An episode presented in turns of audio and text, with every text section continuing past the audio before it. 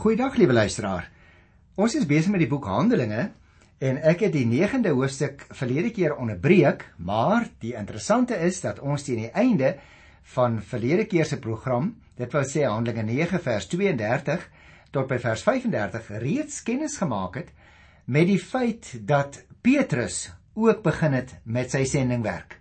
Toe hy daar vir 'n ou Enias was die man se naam, genees het in 'n wonderlike uh genesing plase vind het in ons gelees het in vers 35 al die mense van Lydda en die Saron vlakte het vir Enias gesien en hulle tot die Here bekeer.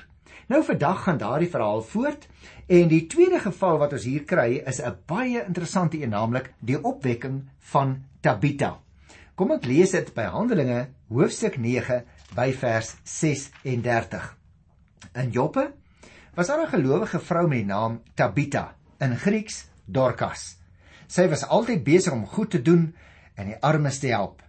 Juis in hierdie tyd toe Petrus in Lydda was, het sy siek geword en gesterwe. Hulle het haar gewas en 'n bokamer neergelê. Aangesien Lydda naby Joppe is en die gelowiges gehoor het dat Petrus daar is, het hulle twee mans na hom toe gestuur met die versoek: "Kom tog gou na ons toe oor." Jy sien as hy naby die Middellandse See en hierdie twee dorpe lê naby mekaar en die Christene het nou gehoor hier in uh Joppe dat uh, Petrus daar naby was en toe hierdie geliefde vrou van die dorp nou sterwe, toe maak hulle dadelik 'n plan en hulle laat roep vir Petrus daar waar hy op die oomblik in Lydda is. Nou, dis baie interessant, liewe luisteraar, want Lukas, die skrywer van die Handelinge boek, neem ons dus nou na Joppe. En ons moet onthou Joppe is in die noordooste van Judea aan die kus. Die vrou se naam is Tabita. Nou letterlik, dis nogal interessant. Die naam Tabita beteken wildsbokkie. Is dit nie 'n mooi naam nie? Letterlik staan daar dus eintlik in vers 36: Sy was vol van goeie werke en liefdesdade. Veral staan daar aan die armes. Tabita kom net te sterwe. En voor hulle haar in die bokkamer neerlê, was hulle haar eers soos die gebruik in daardie tyd was en met die hoop op 'n wonderwerk word dan nou gestuur om vir Petrus te laat kom. Ek wil ook net uh daarby voeg dat ons net die prentjie mooi kan inkleur. Liewe luisteraar, Joppe moet ons onthou was eintlik 'n baie belangrike hawe stad. Uh dit lê omtrent so ek sou sê so 39 meter bokant seespieël aan die Middellandse See. En dit was 'n stad waarheen die sederstompe destyds van die Libanon af met vlotte vervoer is en van waar hulle dan na Jerusalem toe vir die bou van die tempel geneem is. Jy kan hierdie uh verhaal gaan lees in 2 Kronieke 2, daar by die 16de vers en ook in die boekie Esdra by die 3de hoofstuk by vers 7. So dit was dus vir die mense van daai tyd 'n baie belangrike stad want hulle het geweet Joppe was ook indirek betrokke dan by die bou van die tempel omdat die vlotte wat van die Libanon afgekom het uit die noorde daar losgemaak is van mekaar en daarvandaan is dit dan verder geneem met waans soms is dit end end gesleep. Nou, dis nakies, ek wonder, onthou jy nog, die profeet Jona het ook beskip van Joppe af weggevlug van God af om uh, daar na Ninive toe te gaan. Jy kan maar gaan kyk in Jona 1, daar by die 3de vers sal jy uh dit kry. Nou die een om wie dit nou hier gaan is Tabita, ander naam is Dorcas. Sy het 'n baie groot indruk gemaak op die mense van daardie omgewing want so het ons gelees sy was 'n gelowige vrou sy was uh van Griekse afkom maar afkoms maar sy was altyd besig om goed te doen en die armes te help. En toe sy nou dood is kan 'n mens baie goed verstaan uh het die mense gehelp om haar liggaam te versorg hulle het baie getreur maar nou gebeur daar iets want sy gaan opgewek word. En daarom wil ek dit graag uit die Bybel self lees vers 37. Juis in die tyd toe Petrus in Lydda was, het sy siek geword gesterwe. Hulle het daar gewas en in die bokkamer neergelê. Aangesien Lydda naby Joppe is en die gelowiges gehoor het dat Petrus daar is, het hulle twee mans na hom toe gestuur met die versoek: "Kom tog gou na ons toe oor." Petrus het dadelik saam met hulle gegaan. Toe hy daar kom, het hulle hom na die bokkamer toe geneem. Al die weduwees het by hom kom staan en snikkend vir hom die klere gewys wat Dorcas gemaak het toe sy nog gelewe het. Nadat Petrus almal uitgestuur het, het hy gekniel en gebid. Toe het hy na die liggaam toe gedraai en gesê: "Tabita, staan op." Sy het haar oë oopgemaak. Toe sy vir Petrus sien het sy regop gesit. Hy het haar met die hand help opstaan en die weduwees en die ander gelowiges geroep en haar lewend voor hulle gebring. Die hele Joppe het hiervan gehoor en baie mense het tot geloof in die Here gekom. Petrus het geruime tyd daar in Joppe gebly by 'n man Simon, 'n leerlooier. Nou ja, dit is interessant dat daardie uh, vir ons baie mooi uitgespel word want jy sien na die wonderwerk gaan Petrus nou nie dadelik weg nie. Hy gaan tuis by 'n man met die naam van Simon, sê vers 43 en dan word daar ook vertel hy was 'n leerlooier. Nou natuurlik, 'n leerlooier het diervelle bewerk. Dis my betekenisvol dat Petrus juis by 'n leerlooier tuis gegaan het, want dit was volgens die Joodse wette 'n onrein beroep. Het jy dit geweet? Aangesien die leerlooier met dooie diere moes werk. Dit is dus lyk dit vir my 'n baie goeie teken dat Petrus nie meer so bevooroordeel was teenoor mense en teenoor gebruike wat nie volgens die Joodse wette volkome aanvaarbaar was nie. Petrus het hom naamlik begin vrymaak van die Joodse reinigingswette en dit was 'n voorspel sou ek sê tot die groot bevryding wat nou sou begin volg. Jy sien, liewe luisteraar, om die groeiende gemeente in die dorp op te bou, bly Petrus 'n ruk daar in Joppe agter. Maar die feit dat hy by 'n leerlooier gebly het, dink ek wou juis ook vir die bekeerlinge wat hulle tot die Christendom bekeer het, bedoel ek nou, 'n les wees. As iemand aan Christus behoort, dan verval al die klomp ou wettisisme en die reëls wat deur die Jode opgestel is, want niemand en niks is op sigself rein nie. Nou as ons by die 10de hoofstuk kom, dan sal jy sien, ek hoop jy volg my altyd in jou Bybel, die opskrif is Petrus en Cornelius.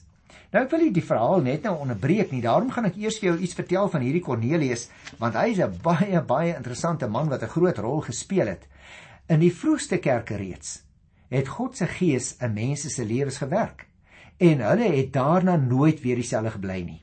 Nou liewe luisteraar, onder die gelowiges was daar mense met die mees uiteenlopende agtergronde denkbaar. Selfs die gevreesde Saulus of soos ons hom nou in die Nuwe Testament ken as Paulus, sal jy onthou, het tot bekering gekom en nie Jode het ook deur die goeie nuus van redding in die Here Jesus Christus aangeneem. En een van die eerste mense wat so tot bekering kom het, was 'n Romeinse bevelvoerder met die naam van Cornelius. Daar was naamlik oor in Israel was daar baie van hierdie Romeinse soldate gestasioneer om te verhinder dat die volk in opstand kom. Die meeste Romeine wat deur die Jode beskou is as gehate regerders, het egter nie goed met die volk, die Joodse volk oor die weg gekom nie. En nou hierdie Cornelius, 'n offisier in die leer nogal, wat dus 'n was dus in 'n baie baie moeilike posisie. Hy was wel 'n verteenwoordiger van Rome, maar hy het terself goeie verhouding gehad met die Jode.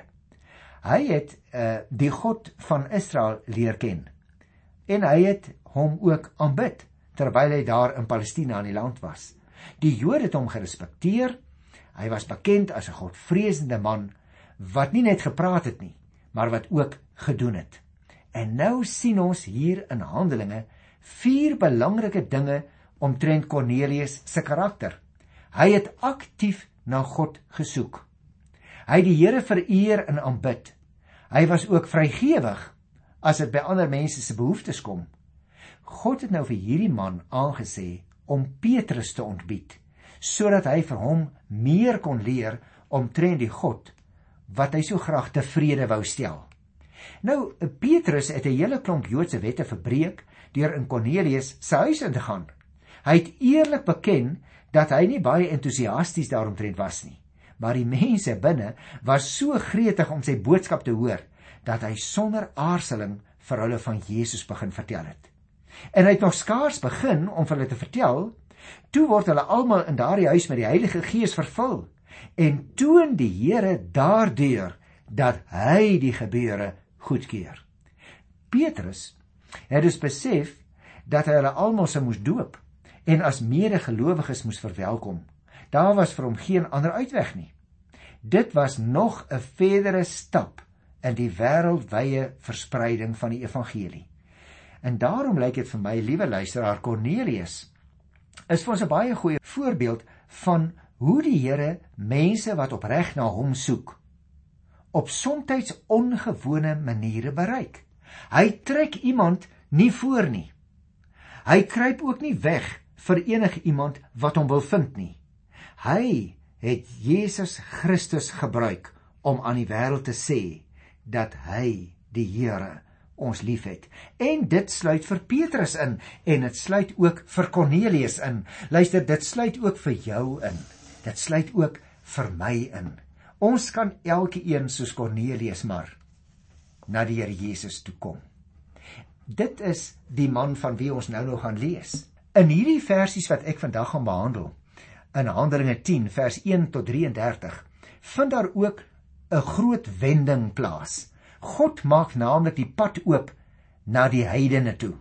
Die bekering van die Samaritane het ons al behandel en ook die van die Ethiopiese amptenaar daaroor sê ek ag dit was maar net die voorspel hoor maar die eintlike deurbraak vind nou hier van Handelinge 10 af plaas jy moet oplet in teenstelling met die verhaal van die amptenaar word hier baie duidelik gesê dat dit gaan om onbesnedenis ons gaan dit in die 11de hoofstuk teekom so 'n programmetjie of twee na vandag sinne dit is dus 'n groot getal mense wat uiteindelik tot inkeer kom.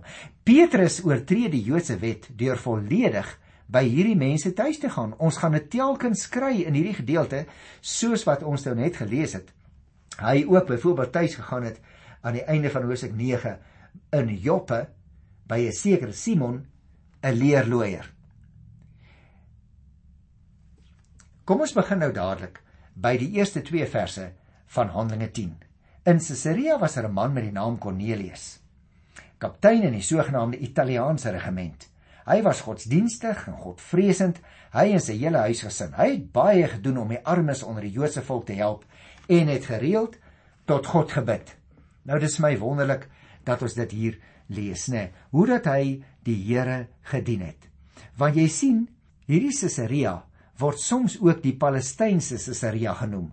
Die stad was geleë aan die kus van die Middellandse See, uh so entjie van Joppe af, het ons nou al gehoor. En nou lees ons hier in die eerste 2 verse, Cornelius was 'n kaptein. Met ander woorde, hy was 'n hoofman oor 100 in die Italiese regiment wat bestaan het uit 600 tot soms selfs 1000 man. So daardie regimente het dan bestaan uit Romeinse burgers wat nie in Palestina gewerf is nie, maar wat uit Italië gekom het. So lees ons hier, dit was die Italiese regiment. En hierdie Cornelius was nou 'n vroeë man. Hy en sy huis was godvreesendes het ons gelees. Dit wil sê, hulle het hulle daar in Caesarea gedeeltelik by die Jodendom aangesluit deur byvoorbeeld die sinagoge te besoek, maar sonder om hulle te laat besny. En dit is nou 'n baie belangrike opmerking wat daar gemaak word. Kom ek lees nou verder vers 3 tot 8. Een middag, so teen 3 uur, het hy 'n gesig duidelike engel van God na hom toe sien kom wat na hom roep. Cornelius. Cornelius het hom verskrik aangekyk en gevra: "Wat is dit, meneer?" Die engel sê toe vir hom: "God het gelet op jou gebede en wat jy vir die armes doen en hy het aan jou gedink." Stuur nou dadelik mense na Joppe toe. Laat daar 'n sekere Simon haal wat ook Petrus genoem word. Hy stuis by 'n ander Simon, 'n leerloier wat by die see woon. Nadat die engel wat met hom gepraat het weggegaan het, het Cornelius twee van sy huisbedienis en een van sy leiwagte, 'n godsdienstige soldaat, geroep. Hy het hulle alles vertel en hulle na Joppe toe gestuur is vir my baie interessant dat ons hierdie inligting hier kry. Want jy sien, die verskyning wat hy belewe hier was so teen 3 uur het ons gelees. Nou dit sal jy nog onthou, ek het dit al baie kere gesê, dit was die Joodse gebedstyd toe Cornelius juis besig was om te bid. Die voorstelling in die Engelse woorde is dat die gebede en let op die hulp aan armes, opstyg na die hemel en onder God se aandag kom. Die engel sê nou Petrus moet gehaal word, maar verklap nog nie wat die doel daarvan is nie. Daardeur bou die verhaal eintlik 'n stuk spanning op. En dit is vir ons belangrik dat ons dit sal raak sien.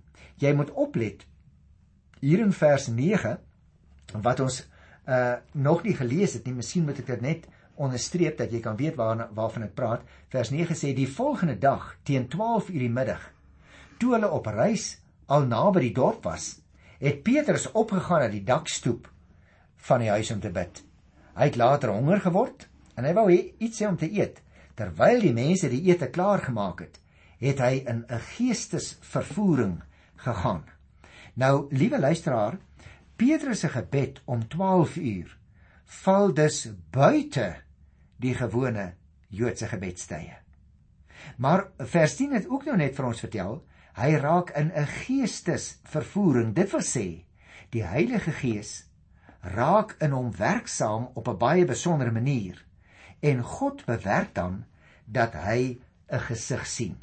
Kom ek lees nou verder van vers 11 af. Hy het die hemel oop gesien en iets soos 'n groot doek wat aan sy vier punte neergelaat was, sien afkom grond toe. Daarin was van al die viervoetige en die kruipende diere van die aarde en van al die wilde voëls ook. Hy hoor toe 'n stem vir hom sê: "Kom Petrus, slag en eet." Maar Petrus sê: "Nooit nie, Here. Ek het nog nooit iets geëet wat onheilig of onrein is nie." Jy sien, liewe luisteraar, in 'n groot doek wat die Here nou vir hom wys, is 'n allerlei soorte diere, wilde diere en ook reptiele. En en hulle was almal eintlik onrein diere.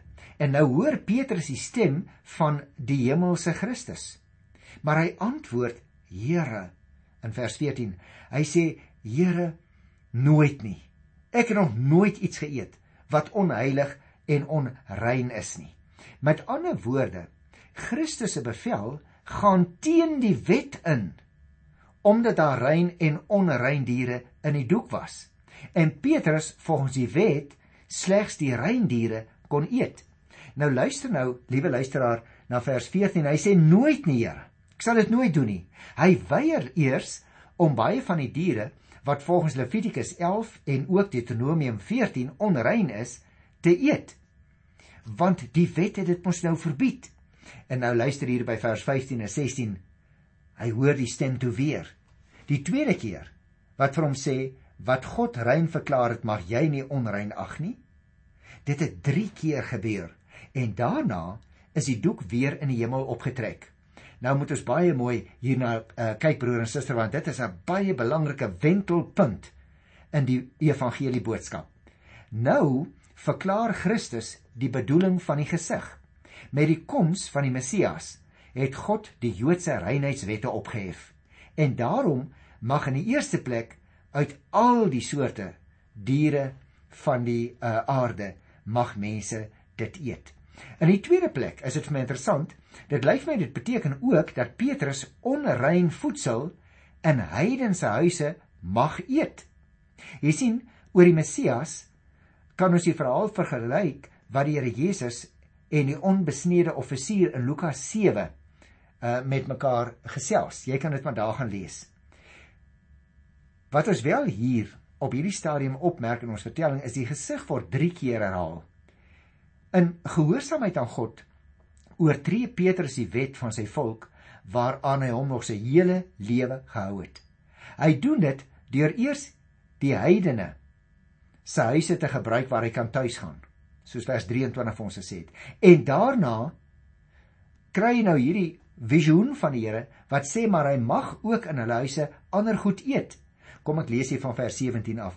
Terwyl Petrus nog wonder oor die uh, betekenis van die gesig wat hy gesien het, kom die mans wat deur Kornelius gestuur is by die voordeur aan. Hulle was op soek na die huis van Simon, dis nou Simon die leerloier, né? Hulle was op soek na die huis van Simon en doen toe navraag of Simon wat ook Petrus genoem word, daar tuis is. Terwyl Petrus nog nadink oor die gesig, sê die Gees vir hom: Daar is 3 mans wat jou soek. Kom, gaan onder toe, moenie aarzel om saam met hulle te gaan nie, want ek het hulle gestuur. Jy sien liewe luisteraar, terwyl Petrus nog op die dak is, kom die reisigers wat Kornelius gestuur het om vir Petrus te kom roep daar by die voordeur aan. Dit wil sê by die straathek want ek uh, ek dink is heel waarskynlik maar die ingang na die huis toe. Petrus is egter 'n bietjie huiwerend. Hy wonder nog op hierdie stadium wat die gesig kon beteken. En daarom gryp die Heilige Gees dadelik weer in sy lewe in en hy sê vir hom jy moenie aarzel om saam met die heidene te gaan nie. Ons lees nie dat uh, gesê is saam met die heidene te gaan nie, maar net jy moenie aarzel om saam met hierdie manne te gaan nie want ek het hulle gestuur. maar luisteraar, ek wou so graag hê jy moet die punt raak sien. Dit gaan hier oor die kontak van die Christendom met die heidene. En daarom lees ek nou vers 21 tot daar by vers 23. Petrus het toe ondertoe gegaan en vir die man gesê: "Hier is ek.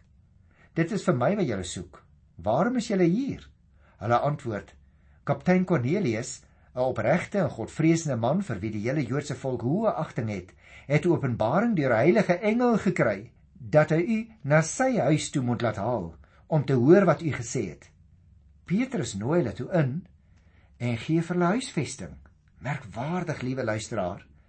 Terwyl die manne nog staan en vra na Petrus, kom hy self na hulle toe, daar by die voorhekkie. Die gesante beskryf Kornelius wat hulle gestuur het as 'n opregte man. Hy doen dus God se wil. En so vertel hulle vir Petrus, Cornelius meneer, Cornelius is 'n godvreesende man. Het jy opgelet luisteraar? Die spanning in die verhaal word nou nog verhoog deur die vaagheid oor wat gaan gebeur. In vers 22 sê die engel nie wat Petrus moet sê nie. Die eerste oortreding van die Joodse wet vind dus plaas wanneer Petrus die manne innooi om te oornag. As gevolg van die groot aantal reinheidsvoorskrifte wat die Joodse wet gehad het, was die omgang van die Jode met heidene sonder verontreiniging so goed as onmoontlik. Dit sou vir 'n Jood veral baie onaangenaam gewees het om onrein heidene in sy huis toe te laat. Maar luister nou. Die volgende dag het hy 'n paar van die gelowiges in Joppe saam met hulle geneem en 'n dag later in Caesarea aangekom. Cornelius het hulle al verwag en hy en sy familie en huisvriende reeds bymekaar geroep. Omdat die gebeure hier so uniek is, handel Petrus baie verstandig deur 'n paar gelowiges in Joppe met hom saam te neem om getuies te wees dat God op 'n baie besondere manier aan die werk is nou. Want onthou Petrus het nou hierdie visioen gesien en dan lees ons hoe dat hulle saamgaan en hoe dat hulle daar in Kornelius se huis kom. En uiteindelik, liewe luisteraar, hoe dat die Here vir hulle almal tot die insig bring. Niks en niemand is onrein nie. Daarom wil ek hierdie verse lees hier by vers 30. Kornelius antwoord: 4 dae gelede so teen 3:00 die middag was ek in my huis besig om te bid. Toe staan daar skielik 'n man met blink klere voor my en hy sê Kornelius, God het jou gebed verhoor gelet op wat jy al alles doen vir die armes. Stuur iemand na Joppe. En dan vertel hy die verhaal hoe dit nou gebeur het en luister nou vers 33. Ek het dadelik mense na u toe gestuur en u was so goed om te kom. Ons is nou almal hier in die teenwoordigheid van God om te hoor wat die Here alles aan u opgedra het. Jy merk dus nou op, liewe luisteraar. Daar is 'n gespannenheid, daar is afwagting. Ons wil hoor. Ons is ongelowiges. Ons is in die oë van julle Jode is ons heidene. Ons wil nou hoor wat hier saam is in die teenwoordigheid van God. Wat die Here alles aan u opgedra het. Nou liewe luisteraar, nou moet jy 'n gedagte hou. Hierdie mense weet nie van die visioen wat die Here intussen vir Petrus gegee het nie. Hulle is heidene. Hulle is angstig om in te kom tot die Christendom maar hulle dink hulle gaan onwelkom wees. Intussen berei die Here Petrus se hart voor deur vir hom 'n visioen van 'n laken met reine onrein diere te gee en te sê: "Hoor hierso. Hou op met hierdie nonsens van ander mense en sekere diere is onrein." Nou, liewe vriende, ek gaan dan volgende keer uh praat oor hierdie gesprek wat Petrus met hulle het. Die spanning lê nou hier in vandag. Petrus is voorberei maar die kontak tussen hom en Kornelius het nog nie plaasgevind. Ek hoop jy lees dit self in die Bybel, daar in Handelinge 10 van vers 34 af en as die Here my spaar gaan ek volgende keer verder. Tot dan groet ek jou in sy wonderlike naam. Totsiens.